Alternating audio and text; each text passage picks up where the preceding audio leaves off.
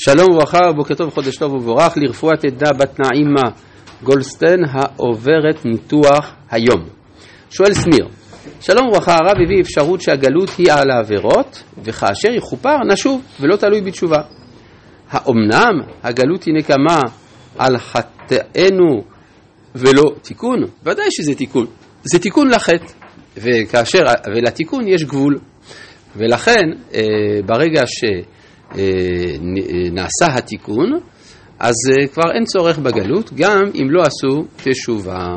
כי התיקון הוא לא על החטאים שנעשים במהלך הגלות, אלא על החטאים שבגללם יצאנו לגלות. ובכן, אנחנו ממשיכים בפרק כ"ו, בפסוק מ"ד בספר ויקרא, פרשת בחוקותיי.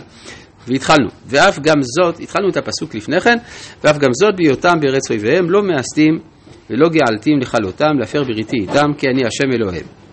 אז מה, אז דיברנו על כך אם כן שיש הבטחה שאין אה, אין אה, שואה בזמן הגלות.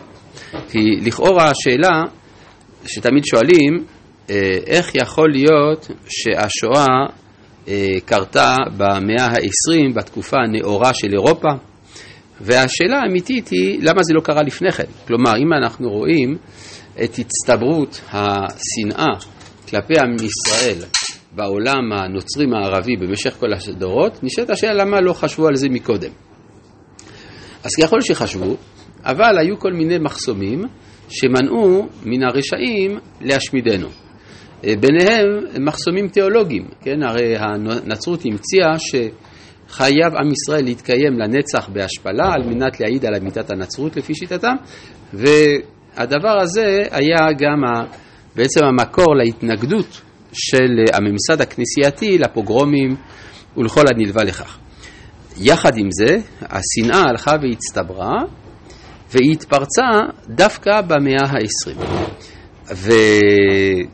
וייתכן שזה קשור לעובדה שאירופה נעשתה חילונית. כלומר, היא מצד אחד ירשה את השנאה של העולם הנוצרי ליהדות, מצד שני היא הסירה את המחסום התיאולוגי המונע את ההשמדה.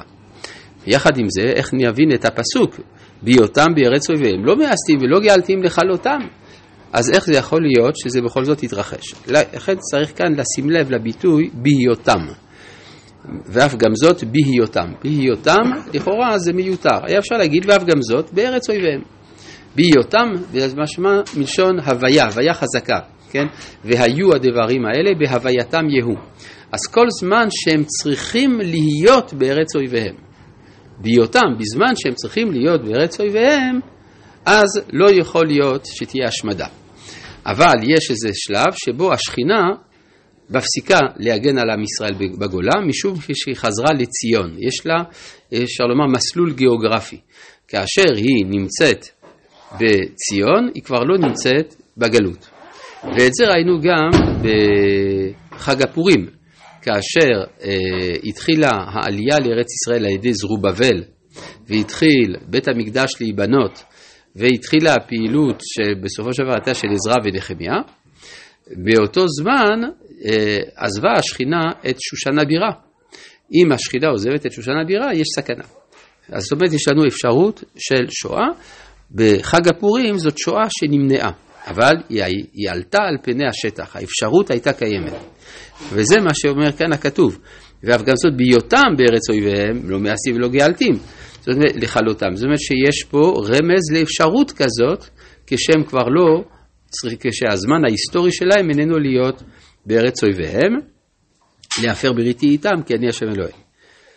וזכרתי להם ברית ראשונים.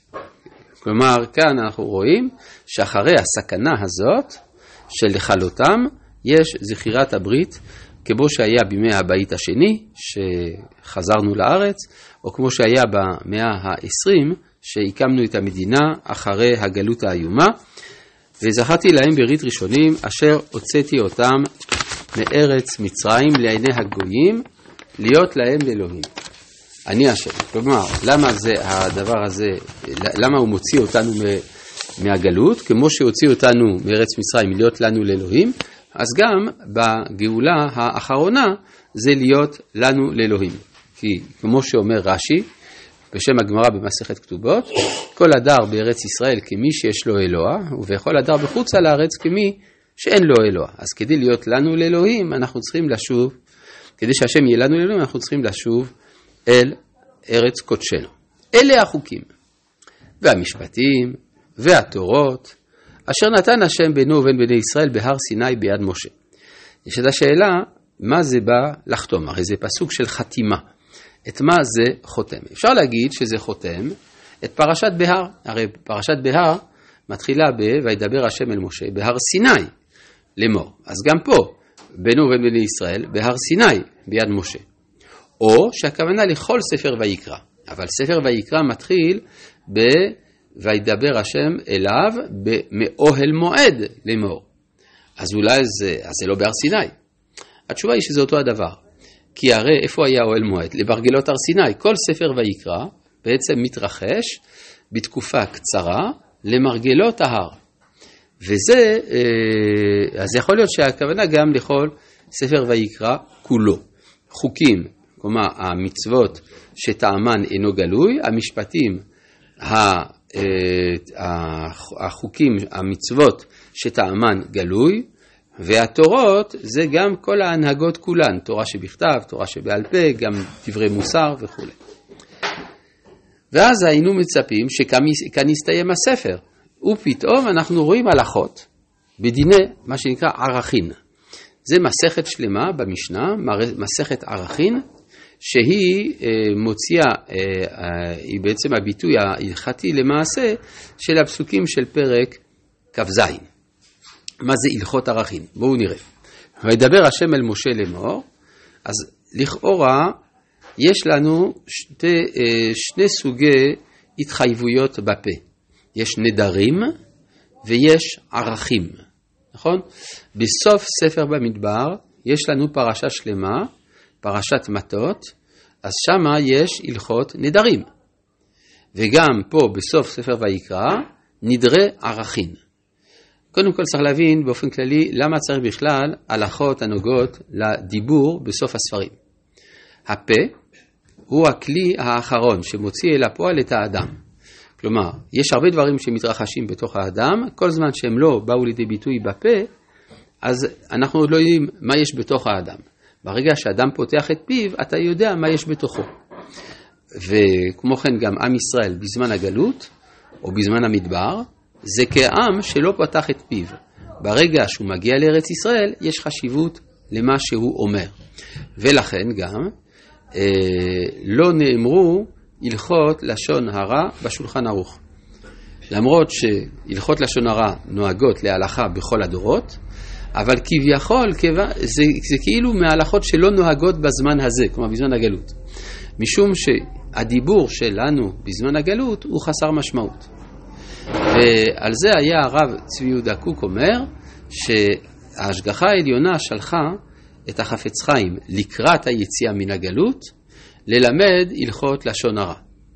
כן, כלומר זה, כי עם ישראל עכשיו הולך לדבר, ואז מה שהוא אומר הוא משמעותי. לפי הקבלה זה מאוד מובן, הפה כנגד המלכות, שהיא הספירה האחרונה, שהיא זו שהיא מוציאה אל הפועל את כל התוכנית האלוהית הלכה למעשה בארץ ישראל.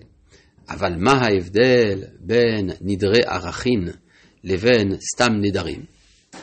הרי כשאדם אה, נודר נדר, למשל אומר אדם, דמי עליי, הוא רוצה לנדור את סכום הכסף שהוא שווה. אז איך נדע כמה האדם הזה שווה? בודקים בשוק העבדים כמה אדם כזה היה נמכר. זה נקרא דמי עליי. זה יכול להשתנות, אם זה אדם בריא או אדם חלש, או אם זה אדם חכם או אדם טיפש. כלומר, יש הרבה קריטריונים כמה שווים עבדים בשוק. על פי זה הנדרים. לעומת זה, ערכין, כאשר אדם אומר ערכי עליי, לא דמי עליי, אז יש סכום קבוע בתורה. לא משנה האם אדם הזה הוא עיוור או רואה, האם הוא חלש או בריא, יש סכום קבוע בתורה לפי גילו, לפי מינו. וזאת אומרת שהערכין הם תיאור של ערכו של האדם מצד הקדושה. כמו שלמשל בגיל 13 אדם נעשה בר מצווה, לא משנה האם הוא כבר בוגר נפשית ופסיכולוגית או לא, אנחנו אומרים בגיל 13 בדיוק אדם נהיה בר מצווה. זה עניינה של הקדושה. ולכן זה שייך יותר לספר ויקרא ונדרים לספר במדבר.